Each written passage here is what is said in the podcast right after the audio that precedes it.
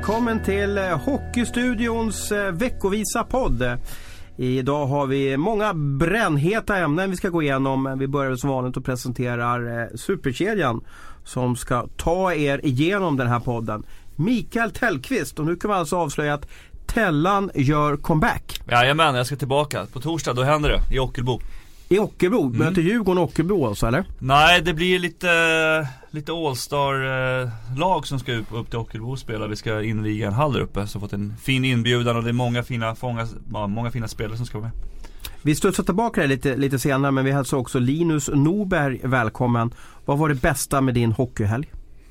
Eh, det bästa av min hockey, jag, jag kopplade bort hockeyn i helgen faktiskt. Ah, jag, satt, januari, jag, jag, satt och kollade, nu, jag, jag satt och kollade på, på Brynäs-Djurgården. Jag, väl, ja, jag tar väl det bästa därifrån. Brynäs röda tröjor. Det är lite så jag är uppväxt med Brynäs röda tröjor. Gevalia sponsrade tröjor som det var på, på eh, slutet av 90-talet. Jag tycker de är skitsnygga. Eh, de flesta gillar inte dem alls, men eh, nu var de tillbaka i helgen. 93-tröjorna.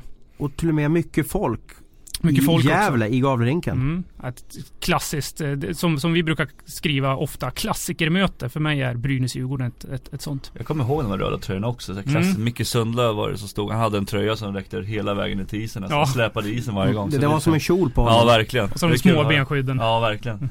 Ja. Men eh, Tellan, tillbaka din, till din comeback då. Du ska ja. alltså spela en typ av eh, kan man kalla det för en välgörenhetsmatch med många stora profiler? Mm, ja det kan man säga. Det är, en, det är en öppning av en ny hall de ska få där uppe. Så att det, som sagt, jag fick en inbjudan och det ska bli jättekul att, att få vara med på den här. Och, hänga med ja, före detta lagkamrater och, och nya också. Så att det, det ska bli kul. Det är, till exempel Peter Forsberg, Niklas Lidström, Mats Sundin ska vara med, Marcus Näslund. Så att eh, ja, det ska bli kul. Det ska hur, bli jättekul. Hur tusan lockar man eh, er till Ockelbo av alla ställen? Ja det är dyrt kan jag tala om. Så. Ja. Nej jag skojar bara. Nej men det, det är väl eh, Det är ju prinsen som, som är därifrån som ska, ska vara med och, och inviga det här. Och, det, det, blir ju lite så att det blir kul att träffa alla de här personerna som man har spelat med förut. Eh, men det blir väldigt svårt att få ihop alla när alla har barn och, och sådana grejer också. Så det, det, ska bli, det ska bli en trevlig dag.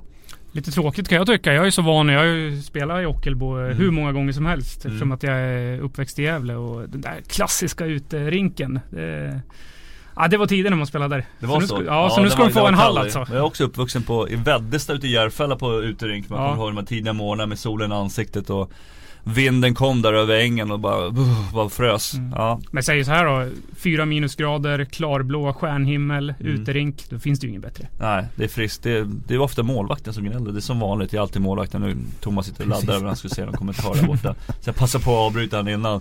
Men eh, för målvakten är oftast värst tror jag, som vi måste ta emot. Det blir så himla ja. i händer och, och sådana grejer. Det blir, ja. Vad ska arenan heta? Jag, jag, tror att jag tyckte det stod att ICA skulle gå in där, någon, okay. någonting som skulle gå in med lite pengar. Så jag vet inte om det är någonting. Jag har känsla av att de har en förkärlek till lite annorlunda namn i, i Gästrikland där. Mm. Eh, om, jag får, om jag får ranka det uh, ishallsnamn som jag tycker är mest bisarrt i Hockeysverige så är det alltså då det som hette tidigare Borr och Tång Arena. I Valbo. I Valbo precis ja. Det var alltså, jag, jag, jag gissar att det var en tandläkare som som sponsrar det här. Men, men för mig får det väldigt lattjo. Borr och Tång Arena. Vet du, vet du vad den heter nu då? Ja, nu är det ju Niklas Bäckström som har gått in där med, med Nickback Arena då. Men Borr och Tång Arena, vad säger du om det Tellan? Ja det är snyggt. Jag har fått fram det här. ICA Ugglebo är det som har köpt namnrättigheterna här. Femårsavtal. Och vad heter, heter den ICA Ugglebo Arena? Ja, jag antar att det blir så. Jag tycker, att det, är, li- jag tycker att det är lite tråkigt alltså. Kan man inte, kan det inte heta lite Ockelbo ishall? Är inte det bättre liksom då? Ja, då får man inte in pengar. Nej, nej. Det är det. nej väl allt, det, det allt handlar om pengar i alla fall. Men nu går du in och tränar för det här? Eller hur, hur funkar det? Jag har tränat noll inför det här. Jag fick en förfrågan om jag skulle vara med men jag sa att jag sparar all energi till på, till på torsdag. Så att vi får väl se om, eh, jag verkar vara den enda målvakten också så får vi se om jag klarar 2 gånger 20 Och um, nu möter ni ett division 3-lag, alltså mm. Ockelbos division 3-lag. Och om du, Sudden, nej inte fel, var Sudden med också? Jajamän. Ja, Sudden var med och Foppa mm. med och Lidström var med. Mm. Det är ju äh, äh, sjuka meriter på de herrarna. Mm. Men vinner ni mot division 3-lag? Jag har faktiskt ingen aning vad, hur, vad division 3 håller för det klass. Borde, det borde ni nästan göra. För jag minns att jag klev ner i division 3 efter ett eh, fyra, må, eller fyra års långt uppehåll. Och, mm. Ja, jag var väl... Eh, kan jag säga lite skrytsamt, en av de bättre i laget mm. då i alla fall. Så att det, ni kommer nog kunna vinna med tvåsiffrigt skulle jag tro. Får vi powerplay så ska vi nog lösa det tror jag. Ja, det är och, det. Uh, vi får åka och slänga oss Vi hade ju Lidström som gäst här för, för några månader sedan. Alltså, och jag kan ju säga att uh, han är ju trim fortfarande. Jag tror att det kommer kommer inte synas så stor skillnad på honom när han var i sin prime. Ja, jag får med att Mattias Nordström är väldigt noggrann också. Ja. Med, med och du spelade ju hockey bara för några månader sedan. Du borde väl kunna hålla nollan va? Eller? Fan, det är länge sedan nu. Det är ju tio månader sedan snart. Fan, det går fort. Va? Men du blir det bankett efteråt och så sitter ni och pratar om VM-minnen och OS-minnen och sådär? Uh, nej, det blir innan vi åker iväg så ska vi käka lunch tillsammans. Men sen efteråt så har jag faktiskt inte hört någonting om vad som händer. Vad har så. ni för tröjor då? Alltså matchkläder och så här liksom? Det får du du får höra av dig. Jag vet ingenting. Jag ska dyka upp och bara ha roligt tycker jag. Så att ja. det, det, spelar mindre roll. Ska jag bara gå igenom utrustningen så jag har allting liksom. Det ligger väl utspritt över hela, hela garaget hemma. Lycka till och mm. hoppas du håller nollan. Ja. Men vad häftigt. Jinxar du mig här nu med att hålla nollan? Va? Ja, men Ockelbo har ju ringt hela helgen och tjatat. Är det så? ja precis. Vad är Tellans svagheter? Ja precis. Ja. Börjar bli gammal. Lågt på klubbansidan. Skott, skott i krysset. Gubbhörnet är bra för då kommer man inte ner lite. Ja. Men wow vad häftigt för Ockelbo att få möta, försöka göra mål ja, på Tellqvist med Vi kan gissa varför Ockelbo ja, lyckats. Ja, det har ju eh, prins Daniel ja. som, som har engagerat där och, och givetvis har kontakter och, och hör prinsen av sig då tror jag att det är väldigt svårt att, att tacka nej. Då tycker man nog att det är ganska häftigt att vara med om den här resan. Men det blir ju deras största upplevelse någonsin i karriärerna. Ja. De kan ju inte... Du som hade Wikipedia framme, hur, hur, stor, eller, hur stor blir arenan då? Arenan tror jag hört är 500 pers. Men okay. de skulle ha någon storbildsgrej utanför också så man ska kunna se matchen utanför också. Aha, så, så vi kommer få lite highlights när, när du blir liksom När du lägger ner som en groda där och blir bortfintad. när ljumsken ligger ute i hörnan.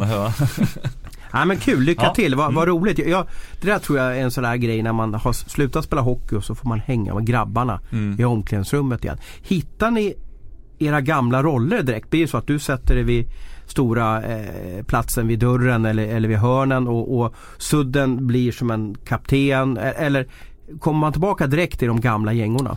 Ja det tror jag. Alltså i det här gänget så jag pratar ganska mycket i vanliga fall men det här gänget kommer nog vara ganska tyst tror jag. Uh, tyst? Ja det tror jag. Ja ja du menar att du håller en Ja uh, lägre profil. Det är jag ja. som är rookien igen om man okay. säger så i det här gänget. Uh, sen har vi ju Andreas Johansson ska vara med också. Han kommer hålla låda definitivt. Han är bra på att berätta historier. Så ja. att, och Lidström kommer stretcha och tänja och värma upp, värma upp ja, i två gu timmar. gummiband. Ja. ja. Så att, mm, ah, jätte, jätteroligt. Vi mm. kommer tillbaka med det nästa måndag så får vi se hur, hur det har gått. Uh, det är ju händelser varje dag i SHL och publiken har kommit till arenorna som, som aldrig förr. Eh, SHL har verkligen levt upp och jag tycker också att den här jumbokampen börjar bli väldigt intressant också nu med, med Rögle, Karlskrona, eh, Mora och Örebro. Kanske, kanske framförallt är Rögle gjort en, en, en eh, oerhört häftig resa sen The Abbots kom in i klubben och, och Mora, Karlskrona känns som att nästan allt det gör det går väldigt emot väldigt mycket emot dem. Men vi ska börja prata om eh, eh, min kollega Hans Abrahamsson eh, tweetade, alltså skrev ett, ett kort meddelande på, på, eh, på Twitter i helgen om den här händelsen där de filmade eller i alla fall man tyckte de filmade Kevin Clark i Brynäs. Och jag måste ju fråga, eh, filmningar, är det ett problem med SHL? Ja, vi har ju tagit upp det här en gång tidigare så det, det verkar börja bli det i alla fall. Och, uh, nu fick han ju ett straff som Ja om det är ett straff överhuvudtaget, det är jag inte riktigt säker på. Kevin Clark fick alltså 5000 böter av ja, SHL. Ja. Han, det swishar nog direkt ungefär till ett nummer kändes det som. Men eh, jag tycker att det borde bli lite mer avstängningar. Så att det straffar inte bara spelaren utan straffar laget också. Då blir det mer känsligt. Men jag tänker ju eh, hur en sån som Kevin Clark i det här fallet. Den här filmningen som uppmärksammades den var ju ganska tydlig. Det var ju mm. på Hovet eh, mot Djurgården i, det första av, av dubbelmötena där.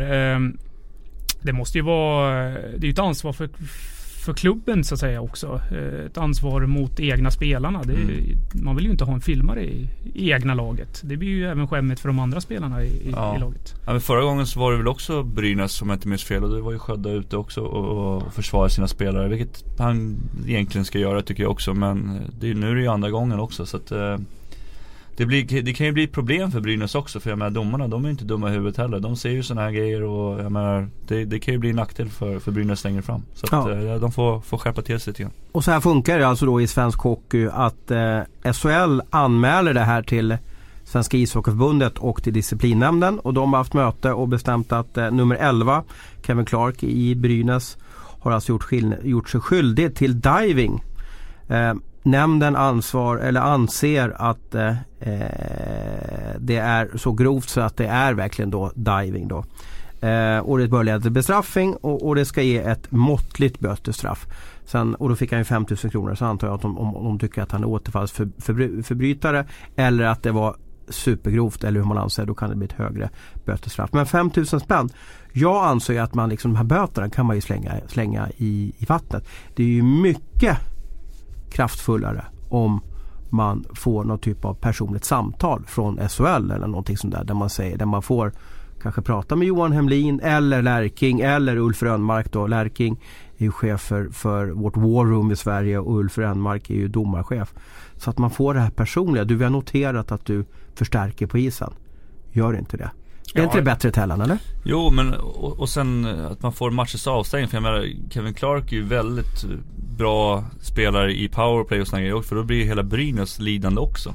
Det är ju det också jag vill få in också. Att man liksom inte behöver ta ansvar för bara sig själv. Utan man får ju ta ansvar för hela laget också. Har du filmat någon gång? Jag vet att du frågat det tidigare. Men jag, jag var ganska försiktig med just den biten. Jag vet inte riktigt uh, om jag har gjort det eller om jag kanske har gjort det så att man liksom har fått det att se mer ut än vad det vad det var kanske man har gjort någon gång men eh, inte så slängt sig bara rakt upp och ner. Nej, vi har ju Libor Hudacek, eller Julius Hudacek då som mm, var... Och, och Starkbaum var bra på det också. Precis, blev dubbel och vi har även Svedberg kommer jag ihåg någon gång på om det var Groben eller Hovet. Mm. Eh, jag vet inte om det var Fimpen eller Holmqvist som åkte lite förbi där och så ramlade han baklänges. Mm. För målvakter har ju lätt så att säga att alltså bara få en liten touch så kan ni ju nästan ramla baklänges. Ja vi tränar ju knappt ja. så Nej precis. Vi, vi men, tycker, men, hur resonerar man i omklädningsrummet då Tellan om man har en kollega eller en kamrat i laget som, som förstärker? Jag, jag kan ju inte svara för de andra lagen men vi, vi hade ju som princip i, i Djurgården att man skulle ställa sig upp alltid om man inte var riktigt, riktigt skadad liksom. Man skulle försöka ta sig till båset och alltihopa så att Uh, jag har för mig att det har hänt några gånger och blev riktigt mycket gliringar liksom. Uh, det var så, någonting så som inte vi... Som, man skäms Ja, då. det var någonting som, som Djurgården inte ville stå för liksom. Vi, vi ska ju vara järnkaminer och, och hela den biten och då, då slänger man sig liksom inte. Så att, uh, det är klart jag har kommit till Djurgården också, det ska jag inte sticka under stolen med. Men som förening så vet jag att Djurgården tar väldigt stort avstånd från det. Men jag förstår inte varför inte domarna på isen inte är mer uppmärksamma, eh, uppmärksamma mot sådana saker. Jag menar, du kan få en, avstängning i en match. Eh, du kan få, eh, vi talar om Clark i det här fallet som fick 5000 i böter, vilket är ingenting jämfört med hans mm. saftiga plånbok i det här fallet. Eh, jag menar, skulle du få 10 minuter personligt straff på isen och sitta av eh, de här 10 minuterna i utvisningsbåset, då får du ju verkligen... Det är som en misconduct liksom. Ja, ja alltså, precis. Typ, ja. Och, då får du ju verkligen sitta och mm. skämmas. Där mm. sitter du för att du har filmat. Ja, varför inte? Det, det, det är väl kanske det hårdaste ja, straffet. Ja. Men jag tror att det är jättesvårt för en domare att se kan man direkt, göra det, direkt på isen att man har, eh, att man har eh, filmat. Och det går jag, inte att chansa heller. Nej, jag tror att det är någonting man måste avgöra via eh, två, tre repriser. Mm. Jag kan bara gå till mig själv Uh, när, när jag hörde talas om Clark, jag, nu såg jag inte matchen. Jag var borta, jag var i Ängelholm då. Jag, jag såg mm. ju inte den matchen live eller någonting. Men fick, fick jag se reprisbilderna. Eh, folk är jätteduktiga på sociala medier att lägga ut från alla möjliga håll. Mm. Köra ultrarapid och så vidare. Och, och, då ser man ju liksom att han, att han, han förstärker liksom dem. Annars är det omöjligt. Så jag tror att det där att för, för domarna avgör det direkt på isen tror jag det, det, det är jättesvårt för dem. Mm. Men kan man göra det så varför inte? Varför jo, inte jo men de kan ju, de har ju ofta så här, det man ser de gör jag vet inte om man kör med, med, med både eh, med dubbla livremmar då. Men det är att mm. de tar ut kanske en för, för fasthållning eh, eller tripping och så kör de andra för diving. För då tycker mm, de att, han, att det var utvisning för den andra men att den andra förstärkte lite mycket. Mm, men jag kan, tycka att det är lite, jag kan tycka att det är lite fegt. För då tycker jag det är skönt om man skulle våga ta direkt på den andra killen. Ja ah, men du förstärkte, du, du måste bort. Så men så är det ju ofta. Jag menar, är, får man en dålig utvisning mot sig så kommer det ju alltid en dålig tillbaka åt andra hållet. Alltså det, det slår aldrig fel. Och det tror jag fansen där ute i, i Hockeysverige känner igen och det känner ni säkert igen också. Är det någon så här riktig så här dålig utvisning då vet man att förr eller senare så kommer en till ja. dålig åt andra hållet. Bara för att jämna ut det. Ja. Men Linus du är inne på att, att gärna ett straff under matchen. För jag som... tror att det hade varit ett straff som svider allra mest. Mm. Ett, eh, ett personligt 10 minuters straff där man verkligen får sitta och skämma sig. Jag tycker man ska ändra också. Jag tycker diving är inget klockrent namn. Jag tycker man ska säga nästan svenska ordet att filmning. Mm. För det blir pinsamt liksom att höra i högtalarna att Kevin Clark eller vem, vem nu har varit så illa åt på isen har filmat. Mm. Jag vet inte, diving. Ja, jag håller med, det är mer tryck i ja, filmning. precis. Man måste lite hänga ut. Mm de som, som fuskar då. Mm. Uh, Linus är inne på straff på isen. Vad, vad, tror du så att säga? Du, är det högre böter som du tror kan kännas Nej, med? böter tror jag inte riktigt heller. Men jag tror mer att man ska straffa liksom, så, laget blir straffat också. Då har vi den här 10 minuters utvisningen också. Just en sån spelare som Kevin Clark. Får han sitta 10 minuter i utvisningsbåset extra. Och sen när det blir hans del och kanten när han kommer in då har han liksom tappat lite fokus på matchen också. Då förstör det lite grann för, för Brynäs i det här fallet också då. Plus att eh, skulle han få någon match, några matcher så blir det ju deras powerplay lidande då med tanke på han. Mm. Så det är där lite jag inne med. Uh, filmar man mer idag än man gjorde när du började spela hockey för, eh, eller började spela hockey på hög seniornivå eh, för 15, 16, 17 år sedan? Oh, bra fråga. Um, kanske, kanske inte. Däremot så är det ju definitivt lättare att se idag om det är någon som filmar med tanke på alla videoupptagningar som finns. Det försiggick säkert filmningar på den tiden också. Uh, men på den tiden fick man ju slå av händerna på folk också och hakas och på ett helt annat sätt. Så att Um, jag tror att det fanns säkert filmningar då också men som sagt det är lättare idag att se när folk filmar. Det går att zooma in i efterhand och, och sådana grejer och sakta ner på ett helt annat sätt. Men det jag, det jag vill påstå förekommer allra mest i, om, om vi kan kalla det här eh, en filmning, vi säger att en, en tuff, eh, kanske över gränsen tackling, eh, att spelaren ligger kvar och vrider sig i plågor lite mm. extra, eh, förstärker, låtsas ha lite ondare än man har, vilket eh, påverkar ju domarna också. Mm. Eh, kallar ni det filmning eller är det okej? Okay? Jag har ju pratat med några spelare som egentligen vill in, införa lite mer, vi snackar fighting igen liksom, just på grund av att det är väldigt mycket alltså, feghet där ute också på sätt och vis. Det är mycket mer efterslängar efteråt. Folk vågar liksom inte um, stå upp riktigt för vad de gör. Utan det är någon som åker slasher efter avblåsning så åker man gömma sig bakom, bakom linjedomare. Jag tror att vi skulle kunna rensa upp ganska mycket. Nu står inte jag för att man bara ska slå ner folk heller men uh, på något sätt så skulle man kunna stävja det som händer på isen med sådana här grejer också. Men, men det du menar är ju det här lite att, att uh Svensk hockey dömer ju ibland lite efter verkan. Det vill säga är det en skada vid en huvudtackling eller tackling i ryggen så mm. blir det stora straffet. Mm. Alltså 5 plus, 5 plus 20. Och då måste ju domaren avgöra det här på någon minut. Ja, han ligger ju ner. Då måste han vara skadad. Sen att han spelar nästföljande powerplay. Det, det, har ingen, eh, det spelar ju ingen roll för då är redan straffet utdelat. Så det här tycker jag, men det handlar ju bara om respekt. Respekt mm, för sporten ishockey. Att man Ja, kan jag resa på mig i sarghörnet här? Ja, men då får jag faktiskt göra det. Även fast kanske läkaren, naprapaten eller vem det är som har sprungit ut på isen för att prata med spelaren säger Ligg kvar. Eh, domarna håller på att fundera på om det ska vara lilla eller stora straffet. Men kommer du ihåg att jag pratade om det här med SCART 5 för ett tag sedan? Det här med att man skulle göra testet under tiden man får en huvudsmäll som de har i NHL. Ja. Då tror jag man men då har ju domaren redan bestämt sig på isen. Man kan ju inte köra ett skarttest och, och bryta ja, matchen Ja men som spelare då så kanske inte man vill vara borta 15-20 minuter på att göra det här testet bara för att man liksom, är du med? Jo men då har ju domaren redan bestämt sig för om man ska köra Ja men då för kanske spelaren nästa gång liksom inte bryr sig om det, han, han skiter i det för han tycker själv liksom så här, ska jag vara borta och göra ett test och sitta och rabbla massa bokstäver här i 15-20 minuter, orkar inte jag med liksom. Då kanske man ställer sig upp på en gång och åker därifrån. Vad, inne, vad innebär det här testet då för nya lyssnare och, och, för mig? Jag har inte heller Ja, nej men det innebär att innan säsongen så, gör, så går du igenom ett test som, som finns som mall uh, och läser igenom frågor och får svara på frågor. Uh, och sen i tanken då, och då ska det helst göra det när man är frisk och mår bra och sådana grejer. Och tanken är då att man ska göra samma test efter man fått en smäll på huvudet. Okay. För har man då fått en hjärnskakning så, så är man ju lite långsammare på vissa grejer och man kommer inte ihåg lika mycket. Och då kan man tyda ganska snabbt på att, uh, ja, att, att, att, det finns någonting fel. Mm. Och då kan man bli lättare bli upplockad. Så blir det inte så luddigt liksom.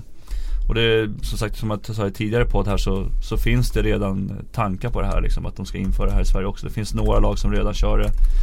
Jag vet att Djurgården kör något liknande. Uh, att vi måste göra syntester och sådana grejer innan, innan året börjar och sådana grejer. Så att man kan hålla koll på, på synen också. Uh, när man har fått en smäll mot huvudet. Så att uh, jag tror att man skulle kunna få bort lite grann. Ja verkligen. Jag tycker då blir det jobbigt helt plötsligt liksom. Då mm. kanske man ställer sig upp lite fortare, så här, skakar av sig och sen är det bra liksom. Precis.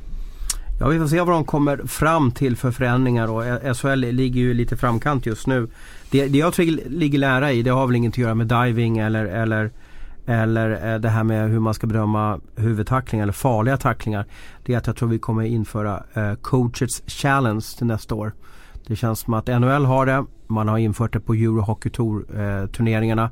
Jag tror att SHL kommer införa det nästa säsong då så, som, som eh, en extra backup för ifall det blev någon offside där innan målet kom till stånd. Då. Precis, men det är väl för offside men det är väl inte för tacklingar och utvisningar va? Nej, det, det man bedömer två saker då. Det är då offside, alltså offside i sekvensen som ledde upp till målet. Mm. Man kan ju inte, man kan inte kolla en, en, sekvens som var i första perioden utan Nej. det är ju då inför målet då. Och sen, men där är ju Sverige ganska noggranna. Det är ju då om det är målvaktsinterferent då. Mm. Eller offside i målgården då. Mm. Men där kollar vi ju ganska noggrant alla mål då. Men främst mm. blir det ju det här om det har varit, eh, man kan ju inte kolla en tripping i, i anfallszon innan målet utan det är bara offside. Och så, mm. så Men där gäller ju att de har installerat väldigt bra kameror som, som har jättebra koll på det här. I NHL eh, fick jag veta här i helgen att de har fyra kameror som ligger mot blålinjen på varsin sida om blålinjen. Alltså fyra sidor vid offensiv blå, fyra, eller fyra kameror vid offensiv blå, fyra kameror vid, vid, vid, vid sin egen defensiva blå. Uh, och ni kan ju gissa vad det här kostar att lägga in i alla SHL-arenor. Det är väl inget som kanske Mora eller Karlskrona just nu jublar över. De har ju andra saker att tänka på när det handlar om ekonomin. Kommer det gå bra det här då? För jag menar, det gnälldes ju jäkla massa förra året när det skulle vara videogranskning hela tiden. Det här blir ett moment jo, till. Jo exakt, liksom. det är lite alltså, det... så jag känner också. Det blir ju avbrott, det blir, eh, ja men som, ja precis, det blir, det blir mer ryckigt. Mm. Men då får man göra så här att, att Ja, man har en coaches challenge per match, mm. max. Har du fel så ska du få en utvisning. Mm. Mm, det, det är väl så det är va? Precis. Mm. Men det måste ju vara det här att du inte bara ska dra en enkel livlina för då har du slängt bort tre minuter eller fyra minuter eller vad du, ska, vad, vad du kommer ta den här granskningen då så att säga. Utan, utan det måste ju hända någonting det vill säga liksom, ja, antingen så blir det ju inte mål eller så blir det mål och så blir det ut. Ja du vet. Mm. Det måste finnas så att det sker någonting i, i sporten eller matchen. Mm. Eh, så att det ger lite effekt i alla fall. Mm. Men ja, man orkar ju inte med längre matcher, det går ju inte. För Nej, det, det var när, när det var ring så spelade vi med domarna för några år sedan. Det, det, det vart man ju galen över. Ja, men jag tror sådana här coach eh, challenge, det, det, tror jag kan förstärka liksom heta matcher, slutspelsmatcher. Publiken buar över situationen, domarna eller tränarna kliver in och, och utmanar det här beslutet. Eh, då, då, tror jag vi bara att det blir lite upp, upplyftande. Och, mm. och, men, men jag tänker en omgång 23, en måndagkväll. Eh, 4000 på läktaren, då sitter man ju bara och gäspar antar jag. Mm. Sen är det stor press på själva tekniken också att det här funkar. Eh, jag var ju på Eurohockey Tour i Helsingfors och även på Eurohockey Tour i Moskva.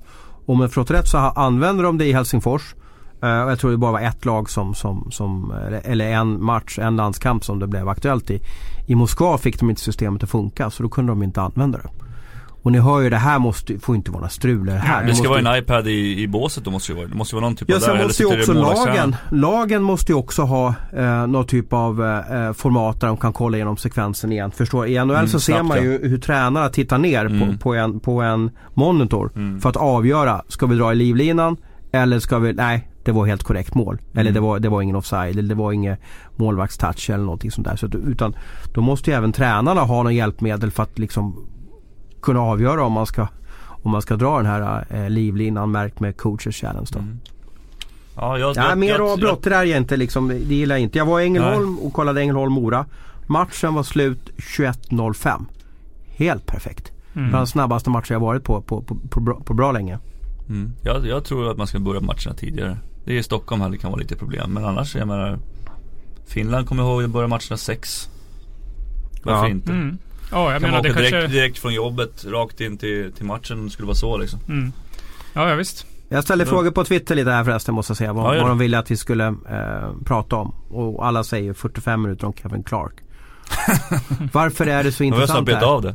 Ja, varför är det så intressant med filmen? Jag tror dels eh, Kevin Clark i det här fallet. Dels har, har han faktiskt en historia av att filma tidigare. Eh, och eh, när, när det blir sådana här dubbelmöten, speciellt lag Djurgården, Brynäs, många fans. Det finns en viss rivalitet. Jag tror, tror allting ställs lite mer på sin spets eh, i, i vanliga. Man stöter och blöter eh, liksom individuella händelser mer än, än till exempel skulle Färjestad möta Karlskrona hemma. Eh, mm. Så, så tror inte att, att det hade blivit lika uppmärksammat. Nej, du har ju också en historik med Djurgården och Brynäs som går tillbaka till Ja, alltså 70-80-talet var det säkert heta matcher. Men jag, mm. jag, jag tänker på Nisse Ekman och, och Kalle Järnkrok, incidenten där.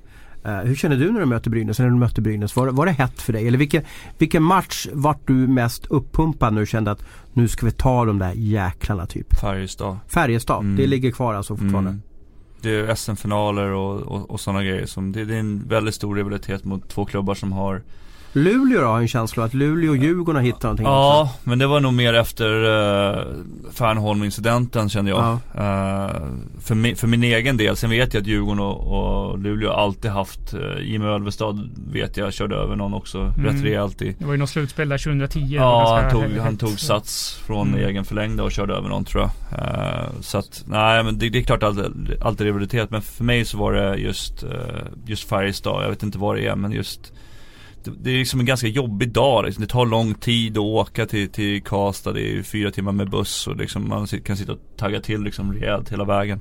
Nu har du ju bästa polaren som du ska åka på charterresa med, Massey Schwartz där i laget. Ja. Hur kommer ni överens då vid, vid, vid swimmingpoolen där? Ja men det är lugnt nu. Nej, men det är, Så du umgås med Färjestadare alltså? ja du, eh, jag umgås ju med dig du är aik tänkte jag säga. Ja. det är ju ännu värre. Jag håller på alla lag. Ja, om, jag, om jag skulle kunna visa alla mejl jag fått genom åren så tror jag jag blivit anklagad att hålla på ja, för 20-22 lag. Det är så? Ja. Ja. Och vad säger du då? då? Vilka håller du på? Jag, eller jag har så här standardsvar. Huddinge? Jättebra att du har läst min text. Jag, jag, jag älskar ditt engagemang. Eh, jag har tagit åt mig dina synpunkter. Ha ja. en bra dag. Jag brukar svara lite trevligt och sådär. Ja. Nu får man inte lika mycket mail som förut, tyvärr. Jag vet inte om du håller med Linus? Ja men så är det. Jag vet inte, våra bylines ligger ju lite, det är massa statistik innan. Man får bläddra ett ja. bra tag innan man kommer ner till våra Precis. bylines. och på ett sätt så är det skönt. Men det var lite roligt att man fick engagemang från, Absolut. från, från eh, från läsarna så att säga. Det liksom, man gillade ju när det brann till i, i mailkorgen där och du fick liksom hundra mail på ja. en timme där om att man, en del tyckte att man var trevlig och andra, tyvärr de flesta tyckte att man kanske ska kastas ner i, i Nybrokajen med betongskor på eller någonting. Ja. Det är mycket sån här skit. Det kanske blir bortsorterat på ett helt annat sätt. Det tar för lång mm. tid att skriva mail nu för tiden. Är det Folk twittrar istället kanske? Ja, sociala medier tror man ja. berättar att läste ni vad idioten skrev nu mm. eller någonting mm. sånt där. Och räddningen. Ja precis, precis. Alltid målvaktsräddningen. Eh, vi går vidare. Vi ska prata om eh, Djurgården och eh, Djurgården i eh, synnerhet och lite AIK. Eh, Djurgården har ju lyft sitt publiksnitt senaste tiden här och haft ett galet tryck på både Hovet och Globen. Eh, Linus, du är ju vår Stockholmskorre vill jag påstå när det handlar om hockeyn. Du har ju stenkoll på vad som händer i de här Stockholmslagen. Och eh, när jag pratade med dig på söndagskvällen så sa du att du har märkt av en tendens. Jo. När Stockholmslagen eh, spelar. Ja. Eh, och det här är väl en påstående som jag kommer bli uppäten av i övriga landet och eh, som jag kommer bli också göra dig... Ja. full nu bara för det Och, ska, och uh, din mail alltså, du nås alltså på linus.norberg.aftonbladet.se Och sen köpt ny lägenhet också på... Precis ja. Vad hade du för hemnummer till lägenheten? Nej men uh, jag kommer väl göra dig sällskap i Nybro, Nybroviken antar jag. Ja. Nej men det är så här. Eh, att jag har märkt av en ganska tydlig tendens och det här är min fasta övertygelse efter att ha sett bland annat Djurgården eh, den här säsongen och även tidigare. Eh, vi såg för några omgångar sedan så gick eh, tränaren Robert eh, Olsson ut och kritiserade domarkåren och menade att de var lite snedfördelade vad gäller domslut och jag är helt och hållet eh, böjd att hålla med.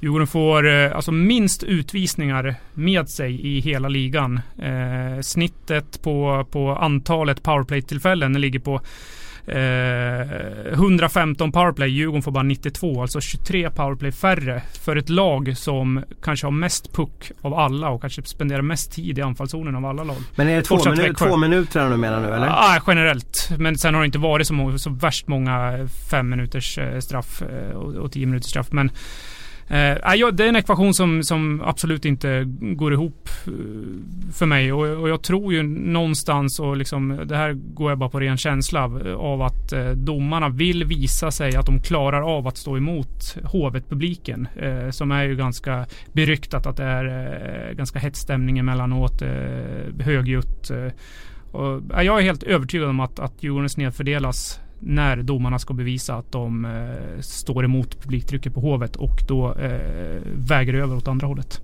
Mm. Eh, jag gillar mitt liv så jag står utanför debatten. Nej då. Ja, men det kan ju också ha, Djurgården spelar ju ganska mycket tuffare också liksom så att eh, Men här handlar om inte, nej, det handlar ja, inte ja, Djurgården får utvisningar. Ja, utan Det, för det får de inte. De nej. drar ju på sig kanske min, eller tredje minst tror jag i hela ligan. Det handlar om att de inte får utvisningar med sig. Jag kommer ihåg, jag satt och snackade här innan också. Jag kommer ihåg att när, när vi hade Lärking som, som domare så kommer jag ihåg att vi alltid fick massa utvisningar också. Mm. Det var en sån här domare som, som jag vet inte gillade oss när vi spelade. Det finns ingen statistik på det heller men det fick, jag fick den känslan. Ja. Um, um, om vi bara fortsätter och eh, botanisera i statistikens underbara värld. Uh, och om vi går på både hemmaplan och bortaplan så, så är ju Djurgården det lag som får uh, minst antal powerplays. Mm. Uh, alltså som jag sa, 23 powerplay under snittet. Det är anmärkningsvärda siffror. Det är ganska mycket. För ett lag som mm. är väldigt spelförande. Mm och spendera mycket tid i anfallszonen. Äh, det är som jag sa, det, jag, jag, får inte, jag får inte att gå ihop.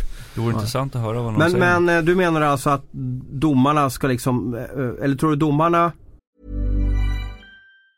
Getting engaged is a moment worth cherishing. A one-of-a-kind ring that you design at Blue Nile can help your love sparkle. Just choose your diamond and setting. When you've found the one, you'll get it delivered right to your door. Finding the right engagement ring can be nerve-wracking. At Blue Nile, you'll have the expert guidance needed and a diamond guarantee that ensures you're getting the highest quality at the best price. Cherish all of life's moments and save up to 30% at BlueNile.com. That's BlueNile.com. Få någon typ av eh, eh, reaktion från gästande lags tränare att inför en match på Hovet att Ja du det blir tryck ikväll, hoppas du inte faller för publiktrycket. Det kan vara en av anledningarna, absolut. Eh, och sen tror jag också, ja men rent, rent, generellt, att domare vill bevisa att de pallar trycket. Så att mm. Det är väl för egen vinning att eh, jag vill bevisa att jag, jag klarar av att och, mm. stå emot det här. Det som kan vara svårt för, uh, på Hovet, framförallt på på Globen är mycket bättre, det är att uh, mediakuben, eller den så kallade jumbotronen där, uh, håller inte samma klass som kanske den i Skellefteå. Och då kan det vara svårt att hitta utvisningar genom att kolla in andra servern, det vill säga när domarna åker och kikar upp på, på, på mediakuben. För man har ju då en andra chans att kolla på om det var eh, utvisning eller någonting i alla fall. Den finns ju inte riktigt på Hovet. Nej. Sen om det är en nackdel eller fördel för Djurgården det beror ju på hur, hur VJn, alltså videojocken då mm. skickar ut för bilder. Jag vet inte om det kan ha med saken att göra. Eh, jag tror ju visserligen när, när Djurgården och AIK, när deras supportrar mobiliserar. Hade jag varit domare där, jag hade blivit, eh, jag hade fått blivit på, påverkad av den där stämningen som är. Jag hade nog med lätthet kunnat blåsa mer utvisningar till hemmalaget för att varje gång jag gör någonting negativt åt Djurgården och AIK så kommer det höras. Mm. Och det, jag är ju människa. Det är klart jag blir eh, påverkad av det. Ja, det är intressant det där med jumbotronen också för jag, jag, vet ju hur det fungerar liksom. Det, den som sitter där uppe har ju fått order om att så fort det händer någonting så ska de köra samma grej igen. Mm. Om och om igen. Och händer någonting för motståndarlaget så visas inte den så jättemånga gånger. Så är det ju. Så mm. att eh, med hemmalagen drar ju verkligen stor nytta av det där också. Verkligen, och där kanske till och med Hovet och, och Djurgården ligger i, eh, i framkant, eller om man kan använda det mm. uttrycket. Att det, det, det vevas eh, och uppviglas kanske mer än vad, än vad det gör på andra håll också. Mm. Men jag menar, jag kommer ihåg förra säsongen, det var en, det, det var en gång eh, som Niklas Sundblad, eh, Örebro-tränaren, det var några situationer på hemmaplan och då menade han att ja men varför kan vi inte göra som på Hovet där de eh, vevar i priserna gång på gång. Det gör vi inte här. Mm. Så han menar ju att, att, att Djurgården får fördel mm. på så sätt då. Men Fick fördelar förra året men inte i år. Ja. ja. Någonting sånt. Nej men sen jag har ju även sett en, en hel del AIK, en del, hel del allsvenska matcher. Jag, eh, här har jag inga eh, statistiska belägg. Eh, men, men jag kan tycka, eller märka samma tendenser även i AIKs eh, hemmamatcher. Mm. De har svårare att eh, få med sig utvisningar. Mm.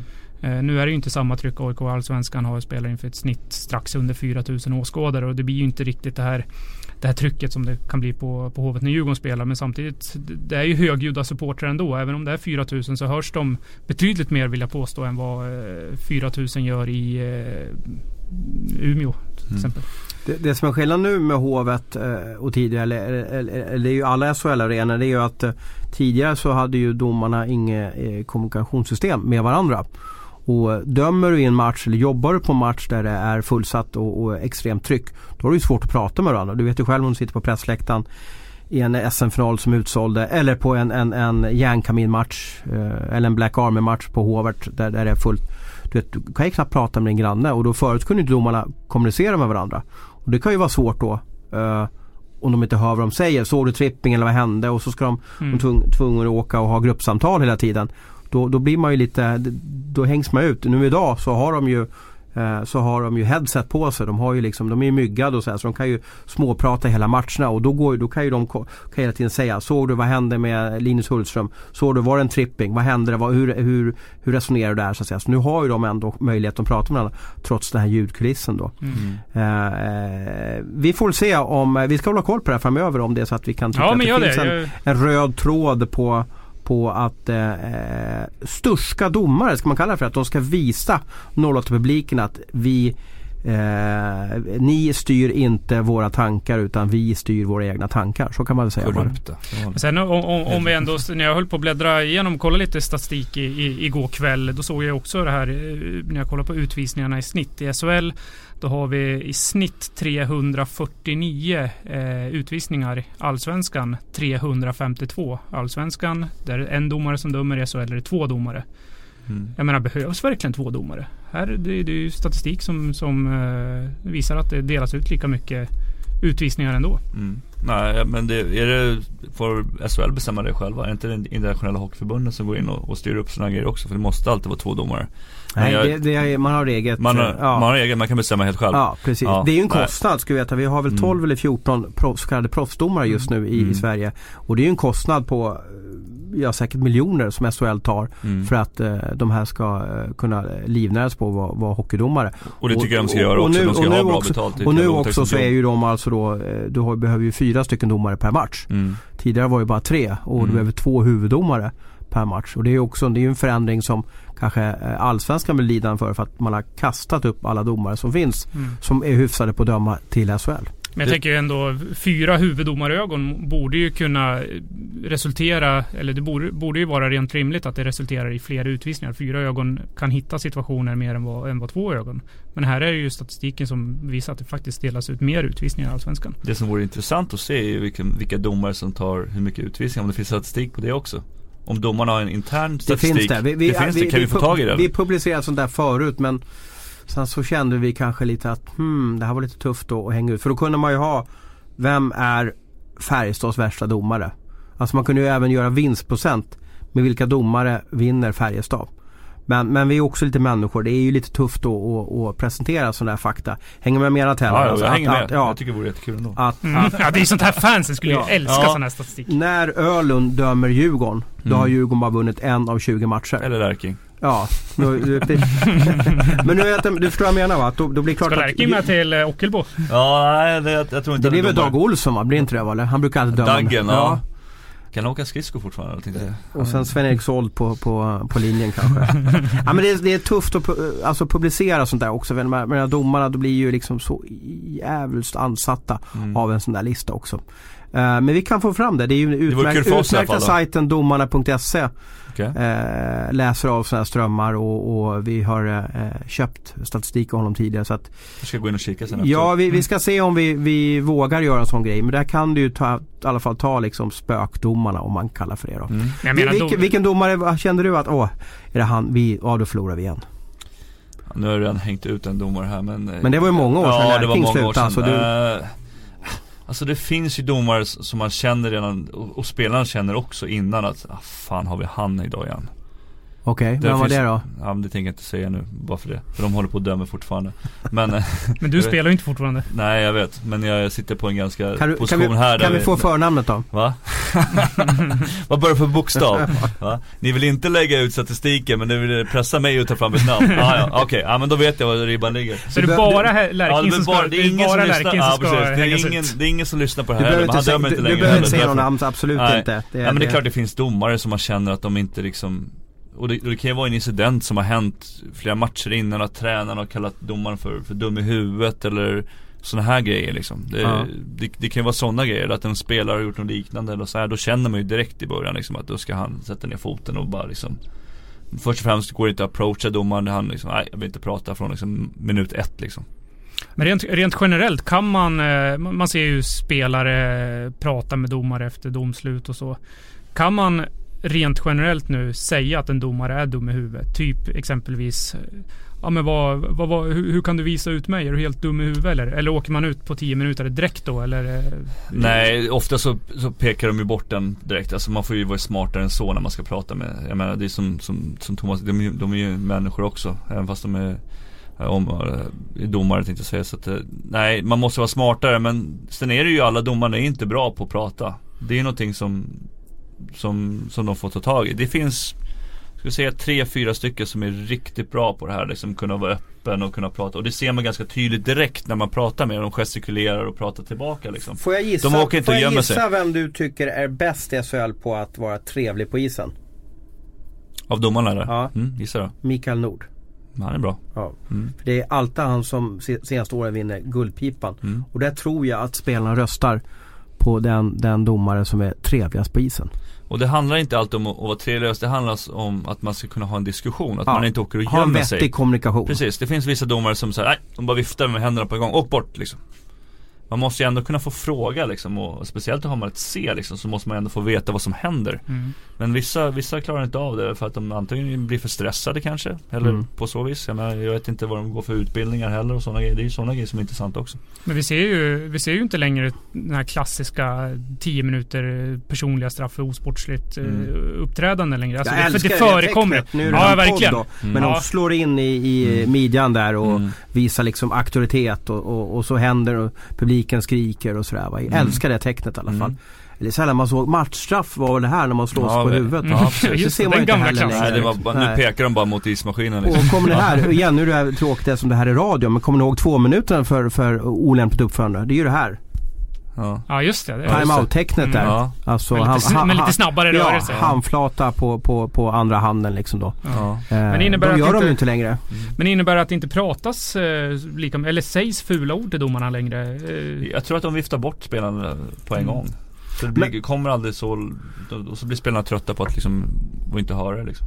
Men de åker ju alltid och gullar med målvakter och ska tigga vatten och, mm, Det är bara för att vi är snälla trevliga människor. ja. Det är därför. Men, ja. men, men de, de prioriterar er lite, visst är det så? Att det ska, åh, hur gick det där Tellan? Gick det bra? Har du ont nu eller hur känns det? Eller? ska daltas med målvakter helt enkelt? Ja, vi är som små barn. Det är så. Nej men visst, visst daltar de lite mer va? Nej men därför, däremot så tror jag att målvakterna rent generellt är lugnare också. De känner nog av det också. Det blir inte den här stressen och pressen och hetsen liksom. Vi, vi är liksom ganska fokuserade och liksom inne i det vi ska göra liksom. Så att vi det finns ju vissa målvakter som hetsar upp sig. Du snackade om Svedberg tidigare. Han var ju en sån målvakt som spelade med känslorna liksom ja. på utsidan hela tiden och kunde skrika och gorma och och, och sådana grejer. Så att mm. det, det, det, finns inte så jättemånga sådana målvakter som har den här energin Nej. eller liksom så. Och att domarna liksom pratar så. med er också det är ju för att ni ju alltid är på isen. Då får man ju relation också mm. med dem.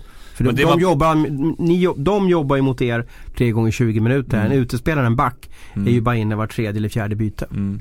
Och det blir en helt annan adrenalinpåslag på utespelarna också. Så de, har, de är ju hetsigare också.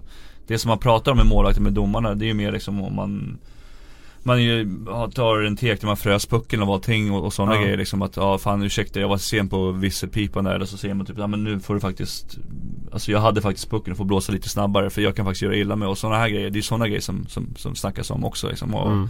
Så kan man få en ja, bra räddning eller fan du är het idag eller något sånt grejer liksom. Försöker man, eh, vi pratar om att publiken här försökte liksom påverka domarna Försökte du påverka domarna också att ja men nu får du börja ta för nu är de ju, de sitter ju i knät på mig. Nu får du visa ut den där äh, busen där. Så för han, han ligger ju på mig hela tiden. Nej men det som jag sa, nu pratar jag inte jättemycket med domarna heller. Men det som jag sa liksom om jag skulle approacha en domare som, som sa någon, som gjorde en dålig utvisning sa jag att nej men vet du vad Säger vi bara Thomas då Thomas nu håller inte jag riktigt med dig Jag tycker den här utvisningen var inte riktigt rätt Jag vill att du kollar på den här efteråt så kan du komma tillbaka Alltså man approachar på så sätt istället för då blir det mer konstruktiv kritik och då blir domaren så ja men jag kollar på det i periodpausen så återkommer jag. Så kommer man tillbaka då nästa period och så bara Ja men vet du vad, den kanske var lite billig eller Tella, nej nu höll inte jag med dig. Så får man liksom en, en, en bra dialog liksom. För man vinner inte på någonting utan bara skrika och säga att någon är dum i huvudet liksom. Men vad, en fråga innan jag kommer utveckla. Eh, svenska domare, vad håller de för nivå? Ja, alltså jag, jag, jag, tycker att det blir bättre och bättre. Men däremot så skulle jag vilja att de blir bättre på kommunikationen. Uh, sen kanske vi spelare och ledare också behöver bli bättre i vår kommunikation. Som, som vi liksom, hur vi pratar med domarna också. Uh, nu gick ju Rönnmark ut innan året här och sa att vi skulle vara försiktiga med hur man skulle prata med domarna efter match och sådär. Man skulle tänka en gång extra med tanke på det som hände förra året. Vilket var jättebra. Alltså bara sån kommunikation har ju verkligen fungerat. Det har inte mm. varit, det har varit Den någon gång kanske. Den kanske inte gick fram till Skellefteås tränare. Eh, nej, nej men det är ju en gång eller två gånger det har hänt i år. Alltså förra året så var det väl liksom var och varannan omgång tyckte jag att det var någon som sa att domaren var dum i huvudet liksom och mm. grejer. Men sen när man, eh, för, för det jag tänkte komma till, det var ju, kollar man på NHL Hockey, du mm. har spelat NHL. Mm. Kollar man på eh, landslagsturneringar, du har spelat landslaget. Kollar man KL, tänkte jag säga, jag har knappt sett en KL-match, men mm.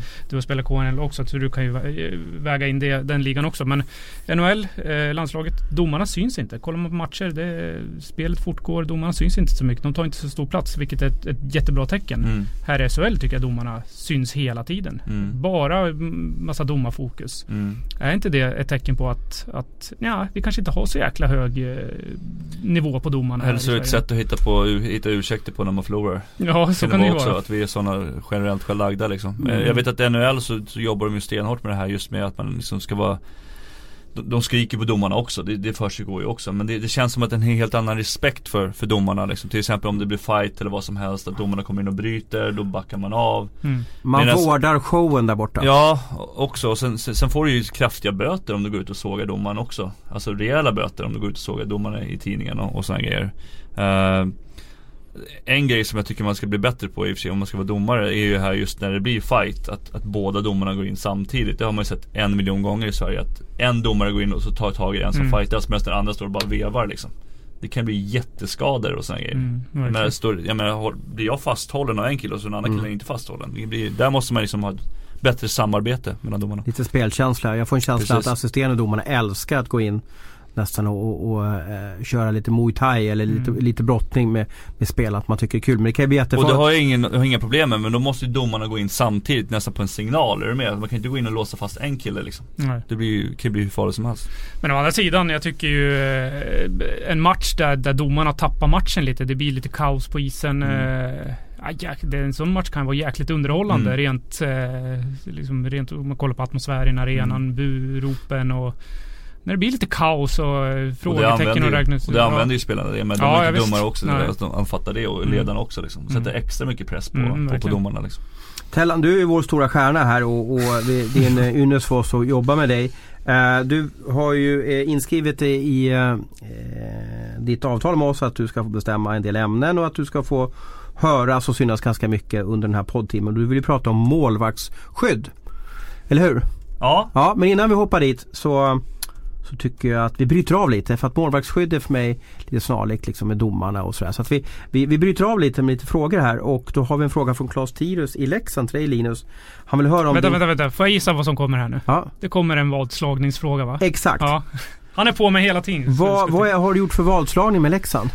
Eh, nej men det börjar ju med... Var det där du skulle köra trippelvolter och Ja, det var inte med Leksand generellt men det var, var väl där någonstans eh, Klas och kanske några andra fick, eh, fick nys om mina vadslagningar. Eh, jag skrev att eh, AIK Södertälje var det väl som, som kvalade för att hålla sig kvar i Allsvenskan för tre, fyra säsonger sedan. Eh, jag skrev att det finns inte... Nej, det, det finns inte... De andra lagen kommer inte ha en sportkepa mot AIK och Södertälje. Liksom det är lag som Västervik och mm. den digniteten från ettan. Men ja, Västervik eh, eller Södertälje trillade ur och jag hade skrivit då att jag skulle ja, jag kommer inte ihåg vad det var, men jag skulle krypa till Småland och simma till eh, Västervik och bland annat. Och sen så gjorde jag en vadslagning under Leksands mirakelsäsong när eh, de eh, slog ut Modo i, i sjunde avgörande kvalmatchen. Det har jag missat faktiskt. Ah, Okej, okay. ja, men då, då skrev jag tidigare under säsongen en vadslagning att om Leksand går upp till SHL den här säsongen så kommer jag ställa mig i premiären med en Leksands tröja i Leksandsklacken. Gjorde du det här? Då? Det gjorde jag. Jaha det stämmer. Okay. Om man nu som podd, poddlyssnare uh, vill se den här bilden eller, eller finns det någonstans? Eller? Den finns på... Vad ska man söka på? Ja, den finns på Twitter. Det var ju några, några år sedan men eh, den finns... Eh, men kanske... Det, det var Claes Tirus här, Leksands presschef. Ja. Det var han som tog den nämligen, bilden. Aha. Så att han har nog kvar den. Så att vi kan väl be Claes lägga upp den på... vilket läge skrev du här? Nu var det ju inte många, fanns ju inte den som, den som trodde Leksand skulle kunna gå upp när de låg sist i, i Uh, sist i Hockeyallsvenskan måste ju liksom bli bli hämtad med ambulans och få en tröja, en vit tröja med knäppning bak på. Så att mm. säga. Det var ju liksom, ingen trodde ju på det. I, I vilket läge gick du in och och, och hade tuppkamp? Jag kommer inte... November. Ja. Nej, jag kommer inte ihåg. Jag tror ändå var, var någonstans där innan Tingsryds eh, matcherna, bäst av tre mötet. Ja, Okej, okay, de hade gått in i ett, ett slutskede. Ja, de hade höjt sig i alla fall, spelet. Har jag för mig. Men, eh, ja, jag vet inte. Klas Tirius kanske kan publicera den där bilden för jag infriade mitt, mitt löfte för mm. en gångs skull. Jag vet att de lyssnar på oss i alla fall. Jag fick massvis med, med kommentarer förra, förra veckan här att jag försvarade Peter Hermodsson i Mora för mycket då. Så det var, det, var, känsligt för många som bor söder om Siljan. Eh, Joakim oh, Bengtsson, unge herrn heter han på Twitter. Tellan, du får ta mm. den här. Jajamän. Längtar Dick hem till Stockholm så mycket så att han bryter med Färjestad efter säsongen. Och jag gissar att han menar Dick Axelsson. Uh, ja får vi se. Nu är han ju nyförlovad också så att, uh, mm. och hon bor ju i, i Stockholm så att jag med, De har köpt hus ihop har de gjort. Ja, så att, ja det är väl inte en omöjlighet. Faktiskt. Uh, det skulle inte vara förvånad. Sen vet inte jag vad Uh, om, om Djurgården är, är sugna på att ta tillbaka en, med tanke på vad som hände sist han var i Djurgården och, och sådana grejer. Men Dick är en skicklig spelare uh, och, och sådär så att uh, nej. Ja, jag skulle nog tycka det var ganska kul att se Dick i Djurgården. Djurgården var ju intresserad av honom innan den här säsongen, innan han skrev på för okay, Färjestad. Ja, säger mina uppgifter ja, i alla fall. Ja, ja. källor. Men är Dick Axelsson en Robert Olsson-spelare? Han kan väl eh, bli. Jag tycker ju att eh, Dick och, har ju jobbat alla som lyssnar, nu känns det som att det här är lite Djurgårdspodd över det här. Men, men vad är en Robert Olsson Vadå, är det inte det? Eller vadå? Nej. Ah, okej. okej, jag har kommit fel. Nej men det är ju framförallt det som kännetecknar Robert Olsson. Det är att han har, det alltså krävs det ju ett väldigt hårt jobb, långa arbetsdagar. Mm. Eh, ja helt enkelt. Låter exakt att man tar, som Dick Axelsson. Ja, nej kanske inte som det har varit. Men, ja, men det, alltså att man verkligen tar sitt yrke som hockeyspelare på fullt allvar. Mm. Dick Axelsson tycker i alla fall jag, jag vet inte om ni håller med, men har inte han eh, förbättrat sin professionalism eh, på senare år? Eh, och, och mognat helt enkelt som, som människa, jag vet inte. Mm. Det, det är min ja, det var känsla. VM, det var VM, det var då jag kände liksom att han 2013? Ja, runt där någonting så kände jag liksom att fan nu börjar hända grejer liksom. Mm. Hur viktig är familjen när man bestämmer sig för klubb Tellan?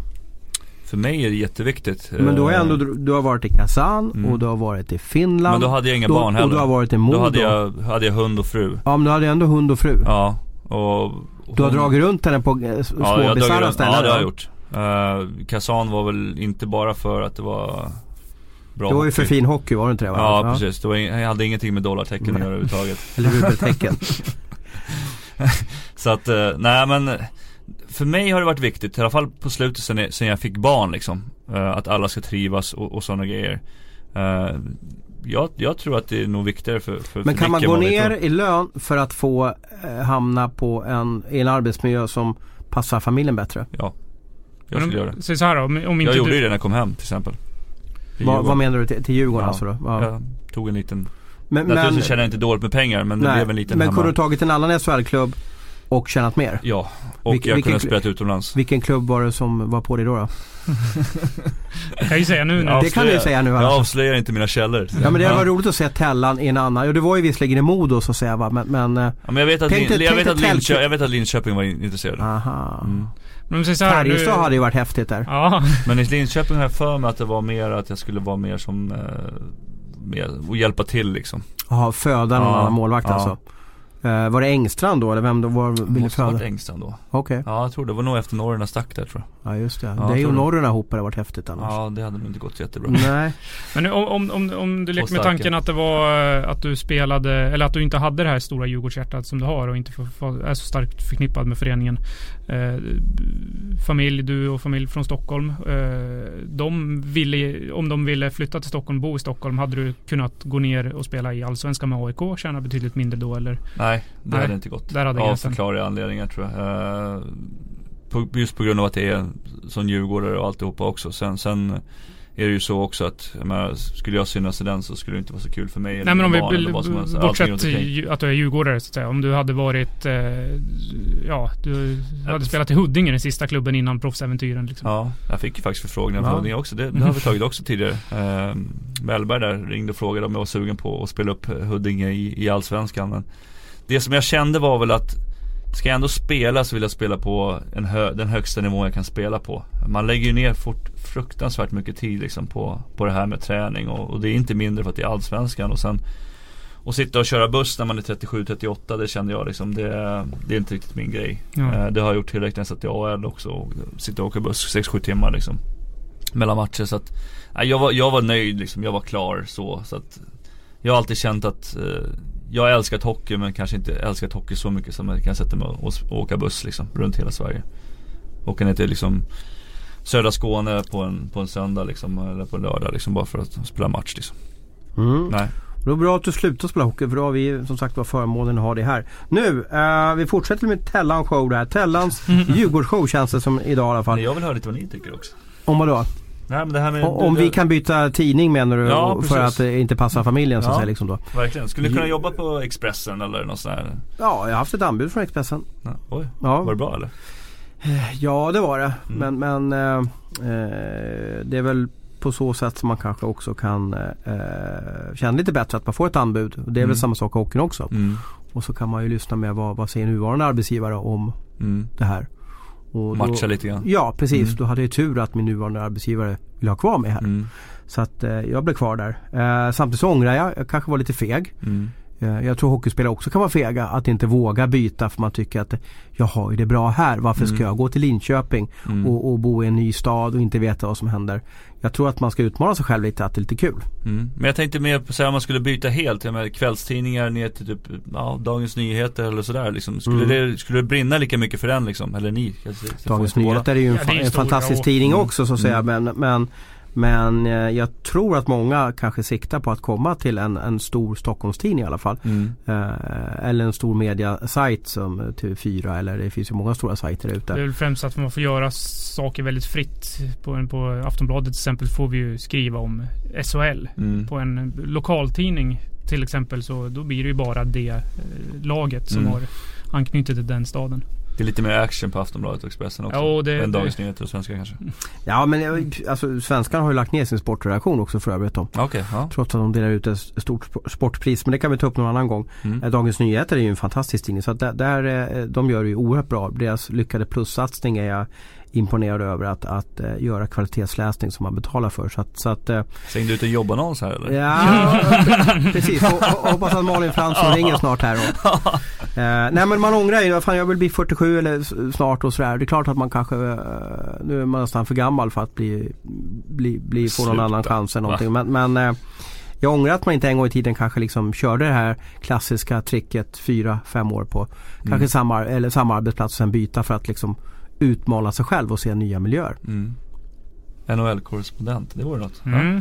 Ja, eh, det vore nog häftigt att jobba där borta på något mm. sätt. Eh, ha chansen. Eh, nu har ju liksom mediebranschen i Nordamerika förändrats något radikalt här. De har ju, eh, journalister har blivit massarbetslösa. Det som händer där borta det är att erkända journalister anställs av klubbarna. Mm. För att styra sociala medier, skriva texter och så vidare. Va? Och det är ju en eh, det är ju någonting som man kanske kan tycka att det finns en tröghet mot. För att man vill ju inte jobba som PR-maskin för en klubb utan man vill vara journalist. Mm. Men de har fått lite fria roller och skriva djuplodande mm. intervjuer med spelarna i klubben som de får givetvis full access till då. För nu, är mm. ju, nu jobbar man ju för, för klubbens bästa exempelvis om det var mm. Phoenix så kan jag ju träffa Oliver Ekman Larsson och sitta två timmar med honom. Mm. Ska jag som, som eh, Arizona Journal eller vad hette tidningen där borta i Arizona? Ja det var någon sån ja, ska man, Ja, ska man som journalist där då är det ju tuffare att få två timmar med Oliver för då tycker ju kanske Arizona då, eh, Coyotes att ja men vänta då han måste ju fokusera på sporten. Mm.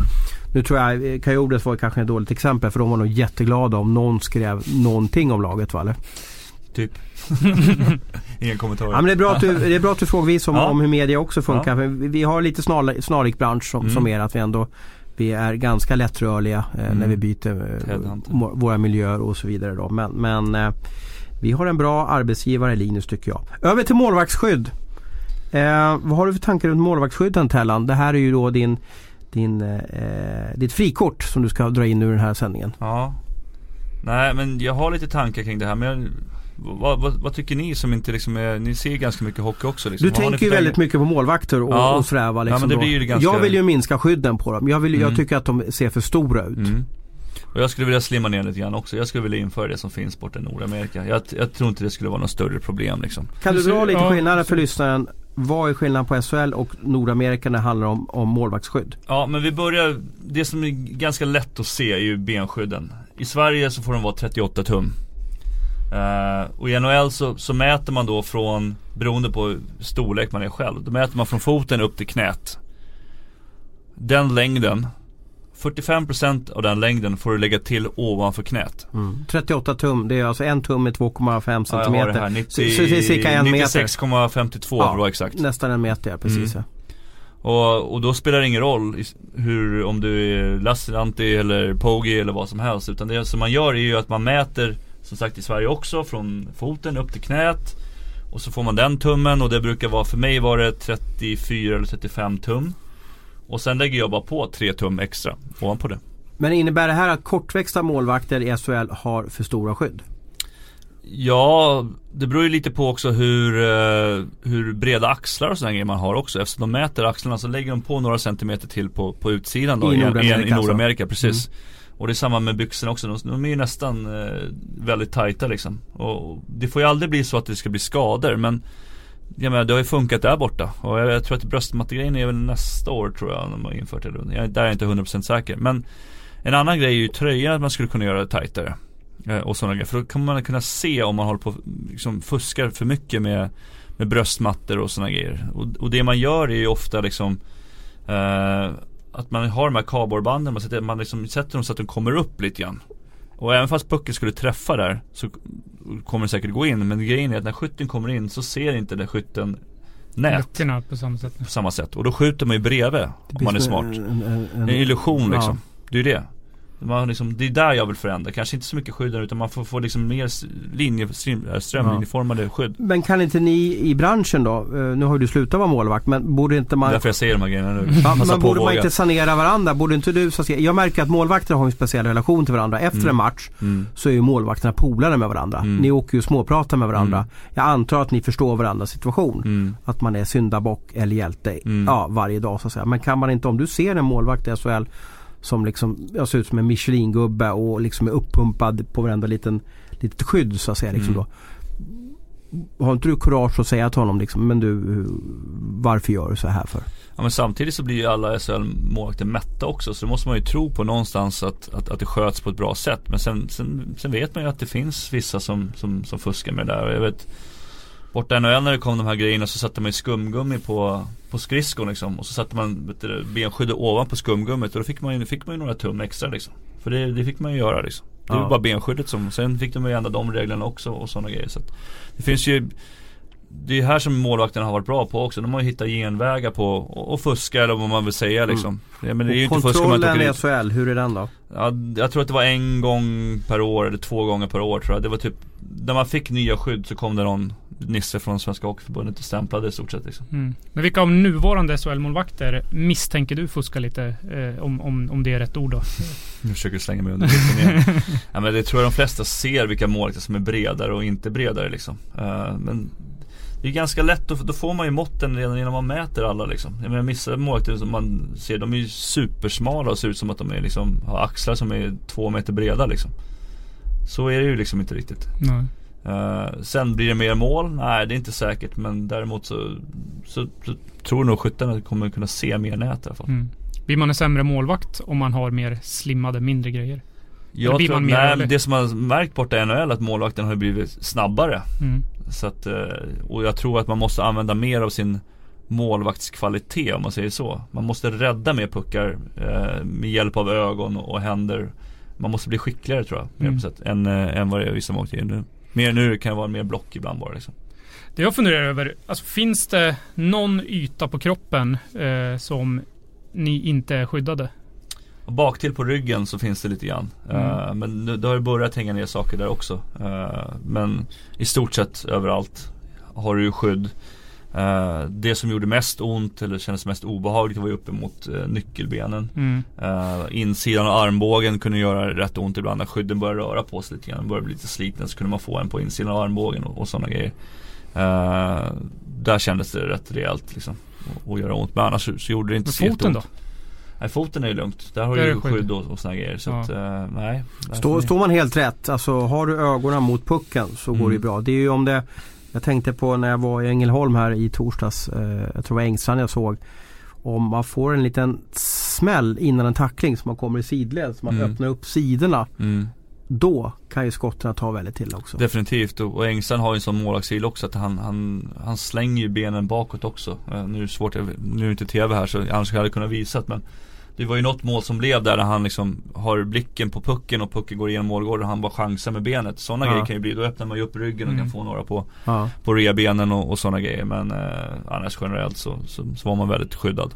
Men hur gör ni när ni beställer målvaktströjor då? Alltså tar alla XXXL då eller? Ja, man tar väl det största målvaktströjan som, som finns. Ja. Eh, det är, det är det klubben, det är klubben. Lövne andra tider då så att ja, säga. Men, men... men, tröjan får ju, det ska sägas, tröjan får ju inte gå ner så att den täcker liksom mellan benen om man säger under för suppen utan den mm. måste stanna innan dess.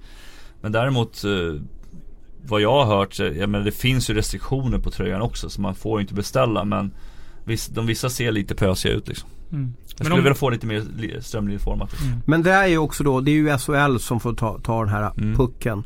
Och jag vet att Petter pratat om det här i all, all evighet, Petter Rönnqvist liksom. Ja. Att man ska göra någonting åt det liksom och, och byxor och, och, och sådana grejer liksom. För jag menar, går man tillbaka och tittar på själva benskydden så var de nästan bredare förut. Det är bara att de är längre nu, då ser mm. de större ut. Jag menar går du tillbaka och tittar, vi hade Tommy Sala här i studion för ett tag sedan. Uh, där nere och jag menar går man tillbaka och kollar på hans benskydd så var de väldigt breda liksom. Handskar också. Uh, Tommy Söderström är ett annat exempel som jag spelade med också. Hans benskydd var ju korta och breda. Mm. Uh, men nu är de ju längre, men de är inte bredare ska jag inte säga. Mm. Hur tror du, se om 5-10 år, hur, hur, tror du framtidens målvaktsskydd kommer se ut? Jag tror att vi, vi kommer gå åt det hållet som, som NHL går liksom. Det kommer vara mer strömlinjeformat. Jag menar skydden blir ju bättre och bättre liksom. De, de skyddar ju något enormt nu liksom. Det kommer finnas skydd överallt och man kommer kunna bli rörligare och rörligare. Så att, eh, det är ju en bransch för dem också att ständigt utvecklas också. Hitta lösningar på nya nya, eh, vad heter det, tyger och, och sådana grejer som är lättare och, och skyddar bättre liksom. Mm. Nu finns det ju typ skydd som man träffar som där det blir hårt när det träffas liksom och sådana grejer. Det är sådana grejer som kommer fram nu.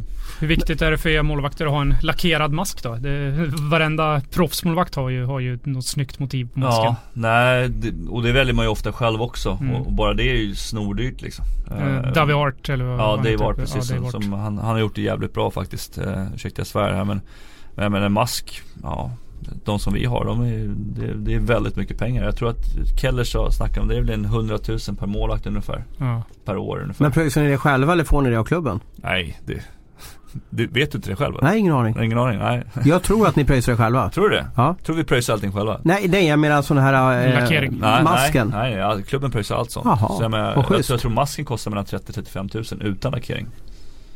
Men hade du, hade du satt på den, eh, om, om eh, din klubb eh, skulle ge dig en mask som är mm. helt vit eller helt svart. Mm. Eh, så ja, ska du ha den lackerad då får du pröjsa dig själv. Mm. Hade du jag haft tror en det var lite så i Riga var det tendenser till sådana grejer. Att, okay. att man liksom skulle liksom få pröjsa det själv men då mm. sa jag bara nej liksom. Hade du ändå? Ja, vi fixade lackering också. Ja. Men om du Sen hade fått betala... Sen går det ju välja billigare alternativ också. Ja, men så är det ju också. Om man har någon polare. Men även om du, om du var tvungen att betala en lackering själv, hade du gjort det då?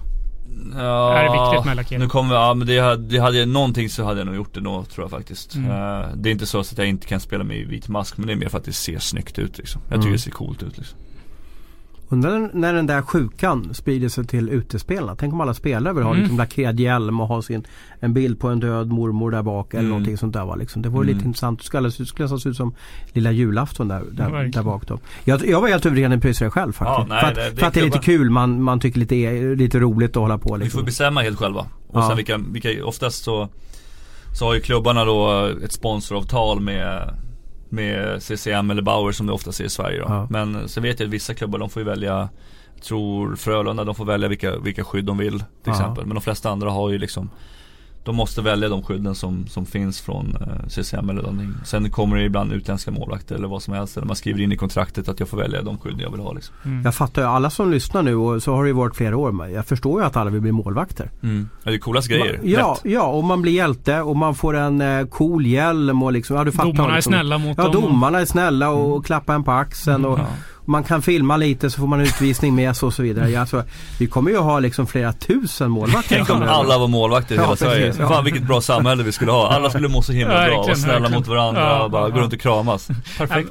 Ja, men det är intressant när du nämner olika märken där. Frölunda får spela med vad de vill och mm. ni körde CSM. Hur, hur, mycket skiljer Bauer, benskydd, plock, stöt eh, i jämförelse med CCM eller vad det nu kan vara? Nej men det är väl som, jag menar, du har ju spelat hockey själv så jag menar, mm. det, det är ju skillnad på Bauer skridsko och CSM mm. och, och det, är, det är skillnad. Mm. Det är jätteskillnad. Det, det, allting beror ju egentligen på vad man är van att spela med liksom. Mm. Men därför måste det vara jättesvårt för er målvakter att hamna i en klubb som eh, helt plötsligt har Bauer. Precis. Jag vet inte vad ja, ni ofta, hade... ofta så skriver man då in i kontraktet att man liksom man, man, väljer först att man ska prova Bauers utrustningar mm. och sen om det inte går så får man välja CSM. Ja, det, okay. liksom, det finns den, ofta den klausulen men Uh, det finns ju bland utespelare också liksom. Uh, men då brukar det vara någon sån här typ 5-6 stycken i varje lag mm. som, som måste, får, får spela med vad de vill. Precis. På grund av fötter och, och sådana grejer. Mm. Uh, sen måste resten spela CCM liksom. Så du körde CCM genom hela karriären? Så Nej, jag har mm. provat alla skydd. Mm. Jag, har provat Bryans, jag har provat Bauer, jag har provat massa olika skydd men det började när jag spelade så var det ju liksom Heaton var det som först kom mm, först liksom. Brian Heaton. Och sen gick det över, blev de uppköpta, köpta, blev Koho. Mm.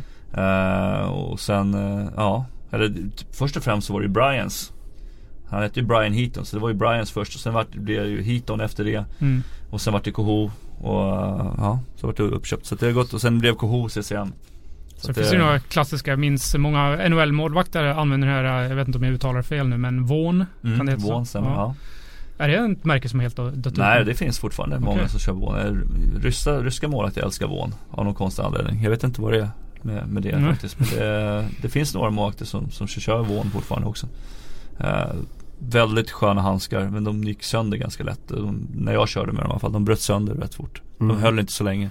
Det som är coolt med, med, med, att vara målvakt är många häftiga skydd i alla fall. Mm, det var ju som julafton. Det, om du frågar alla målvakter i SHL nästa gång ska du fråga vilken roligaste tiden på året är. Aha. Det är när målvaktsutrustning kommer i augusti där. Okay. men är inte den hård och obekväm och vill ja, man inte fila och fixa? Få, det är kul att få hålla på liksom och pilla och liksom hålla på med skor. Alltså du vet såhär bryta in handskarna. Och lägga till de här flärparna och bygga upp. Och... Ja, sätta dem uh, beroende på vad man vill göra med skydden liksom. Alla gör olika saker, värma upp dem eller vad man vill göra. Men det, det, det, det har ju blivit ovanligt en tendens senare år med mörka benskydd. Eh, oftast är det ju vita benskydd mm. som, som gäller nu och plock och stöt. Mm. Du hade ganska nyligen, jag vet inte, mm. var det två säsonger sedan du köpte med, eller körde med ett på mörkblå? Ja, då får, Men, ja. ja. varför, har det blivit, varför körde du med mörkblå och varför har det blivit så? Det har med att vitt ser större ut. Okej. Okay. Så att har du vita skydd så ser du större ut. säger de ser större ut. Nej. Inte på... Det läste jag, jag pratade med någon okay. psykolog för några år sedan. Ja, att Luleå okay. körde ju svart. Och då sa han att de här spelarna ser större ut när de har svart. Okay. Så vi kanske pratar om olika psykologer här. Ja, det verkar så. Ja. För vitt vet jag, det, det har en tendens och just då när man kommer som skytt och så vänder du mot, du ser ofta skytten lite så här periferin liksom. Okej. Okay. Då ser du bara vitt, då tror Aha. du att det är ledigt. Ja, det, det, det, är mycket det kan det vara. Är det därför du har vit t-shirt på dig nu? För att ja, precis. Ja. ja. Så ni egentligen ser inte mig, det är det som är grejen. Varför valde du mörkblått då? Jag var trött på vitt helt enkelt och ville prova något nytt. Uh, så det var därför. Men det var ju som, eh, det var också en annan undersökning också där med, jag kommer ihåg Mark André Fleury i Pittsburgh, han hade gula benskydd. Då var det mm. sån här typ att gult är tydligen någon sån här färg som man också ser väldigt fort liksom. Man reagerar på gult liksom. Mm. Och det spelar inte han med så jättelänge heller utan några säsonger tror jag. På grund av att det är så lätt att upptäcka gult på det sättet. Mm. Det är därför det finns då på trafikljusen tycker det borde vara eh, rätt häftigt och, och snyggt och nostalgiskt om eh, benskydden blir, eh, om, man skulle haft bruna benskydd som mm. det var förr i tiden. Mm. Eh, men det ser man väldigt sällan. Eller, ja det är de här Winter Classics som folk ja, brukar precis. ha. Då Exakt. brukar de göra så här vintage-skydd mm. och sådana grejer. Så att, nej men det nej. Men hade inte Pogge det i Färjestad för mig? Hade inte han någon sån här bruna skydd? Kanske kan han, stämma. Hade inte han det för några år sedan? Möjligt. Det ser lite coolt ut ju, lite Pekka ja. Lindmark-aktigt. Ja. ja, verkligen. Så att, nej, det är en hel vetenskap med målvaktsutrustning, det är det. Men eh, rent generellt är det för att man, man ser större ut liksom. Du, eh, du har ju två söner. Uh, vill du att de ska uh, bli målvakt? Jag, det skulle vara skönt om de inte valde att bli målvakt på grund av att det, jag vet hur mycket stress och press det är att spela och det vore skönt som, som nu att man har blivit hockeyförälder kunna få slappna av lite grann på ett helt annat sätt. Men eh, jag menar, det, det är upp till han. Vill han stå i mål så får han naturligtvis göra det. Ja. Uh, det som han tycker är roligast ska han få göra. Det är inget snack om det. Uh, får jag välja så väljer jag nog helst inte det. Men kan han inte bli bättre då med tanke på att han kan rådfråga dig om saker? Ja men så, så kan det bli också men sen, sen blir det ju, det vet man ju alla som har namn eh, vars söner står i mål och Det, det är ju tufft det, det, det, är tufft att bli jämförd, Det är tufft att bli jämförd liksom och det, det, det är svårt. Sen är det många söner som kommer fram som har lyckats jättebra med det så det finns ju fördelar och nackdelar med alltihopa. Jag tror det beror lite på hur man är som, som förälder också. Mm. uh, Men uh, ja, det, det, är klart det blir, det blir tuffare. Men uh, det kanske blir, om man väljer vilken sport som helst, att man blir jämförd på ett eller annat sätt. Mm. Märker man någon, eh, måste bara fråga också, mm. ren nyfikenhet. Märker man någon skillnad liksom på, på smärta när folk skjuter eller när spelare skjuter? Vi pratade tidigare i, bloggen här om, eller i podden om eh, Pavel Brendel som hade ett fruktansvärt skott om vi tar han som ett exempel. Mm. Rädda en, en hårdskjutande spelares skott med stöten säger, säger vi. Känns mm. det i liksom handen eller är, är, är det När de börjar bli dåliga så känns det lite grann. Det värmer plocken. Då brukar det bli som en, liksom en, en glipa liksom i själva handsken som man ja. känner att det börjar liksom, plasten börjar gå lite grann grann. Uh, det som man kunde känna var ju också bröstmattan när den började bli dålig liksom. Att man kunde få träffar liksom upp mot revbenen och man kände sig oh, liksom. Mm. Men oftast var det på träning. Okay. Uh, på grund av att man inte riktigt hade samma fokus liksom på, på träning som man har på match. På match är du så himla inne i det liksom. Och så fokuserad och när det kommer puck då så känner du inte. Men däremot så när man tar av sig skyddet sen så kunde man säga oj jäklar här var det mm. lite blå liksom. Och så, så, så det, eh, det, inte, det, det var inte mål, många målvakter till exempel som, som eh, fruktade när Scott Stevens höjde klubba under, under, under matchen till exempel? Ja på, på, den tiden kanske det var också, jag kommer ihåg eh, Ken Kenholt var ju så när man kom upp liksom som, som ung djurgårdare var man mm. livrädd för att det gick som liksom ryktena. Ken, Ken, han träffade ju alla mål. Så ja, men han, han, stod i mål måste vara bästa Ken, Kenholt skjut för att döda var det ja. liksom Djurgårdsklacken. Men det gick ju mm. rykten om att han hade någon synfel på vänster öga. Han var ju rightare liksom. Så ja, så okay. Tyckte han sköt utanför hela tiden. Ja, men det gick rykten. Jag vet inte ja. om det stämmer. Det skulle jag inte säga någonting. Men eh, mm. det fanns ju några rykten om det. Mm. Jag har faktiskt haft en, en gammal SHL-målvakt som har, eh, han spelar inte längre, som har bekräftat för mig att han har dålig syn. Du ser, då sitter inte här helt och hittar på. Nej, nej. det tycker jag är häftigt ändå att man ändå lyckas ta sig SHL med, med icke fullgod syn. Ja. Tänk om man hade haft fullt syn. Ja, mm, ja mycket, precis. Mycket mål hade du då. Precis. Men är det, inte, är det inte på sin plats att du eh, Ros eh, berättar om dina målvaktserfarenheter? Du har ju faktiskt stått i mål mot ett allsvenskt lag. Ja, mot eh, BIK Karlskoga. Västerholmarna var ju utespelare. Mm. Eh, det var många legendarer där och Justin Pogge var ju eh, var ju målvakt i, i Karlskoga. Han la väl en straff på mig också mm. som jag räddade. Så mm. att, eh, jag har faktiskt tagit en straff av en NHL-spelare kan man säga. Men fick du någon förståelse för, för hur det var att vara målvakt? Ja, jag tyckte det var hemskt. Och, och, och eh, nu börjar vi dra iväg lite tid här mm. men, men ska i alla fall lite kortfattat säga att eh, eh, jag vart ju inslängd i mål. Jag har ju inte haft någon, någon någon fetisch att vilja stå eller ha mycket skydd som, som sällan vurmar om här utan, utan jag, jag, jag tänkte ja, jag, ställer mig så att säga liksom, jag är knackig på rören så att den som är sämst på skridskorna får bestå ungefär. Men sen, tyck, sen tyckte ju Karlskoga-lirarna det var roligt att, eh, att jag stod i mål så att säga. Och vi hade ju kommit överens om inga slagskott. Mm. Men vad tror du Western, Daniel Westner, eh, en härlig profil, gör i första bytet? Drar iväg ett slagskott rakt i pallet på mig. Liksom då. Då vart jag livrädd kan jag säga. Jag vart, jag vart jag ville gå av nästan. Jag hade en sån puls och sån stress och, och press där så att säga. Liksom, så att jag, jag visste inte vad som skulle komma härnäst. Va, liksom då. För det blir ju en sån reaktion. Vad händer när du får en projektil mot dig? Om man inte är målvakt och småkorkad. Då står man, då står, målvakten står ju kvar. Men alla människor, vi vänder ju på oss. Ja, och så får den på sidan. Så. Ja. ja. Jag kommer ihåg jag fick ett skott här på örat.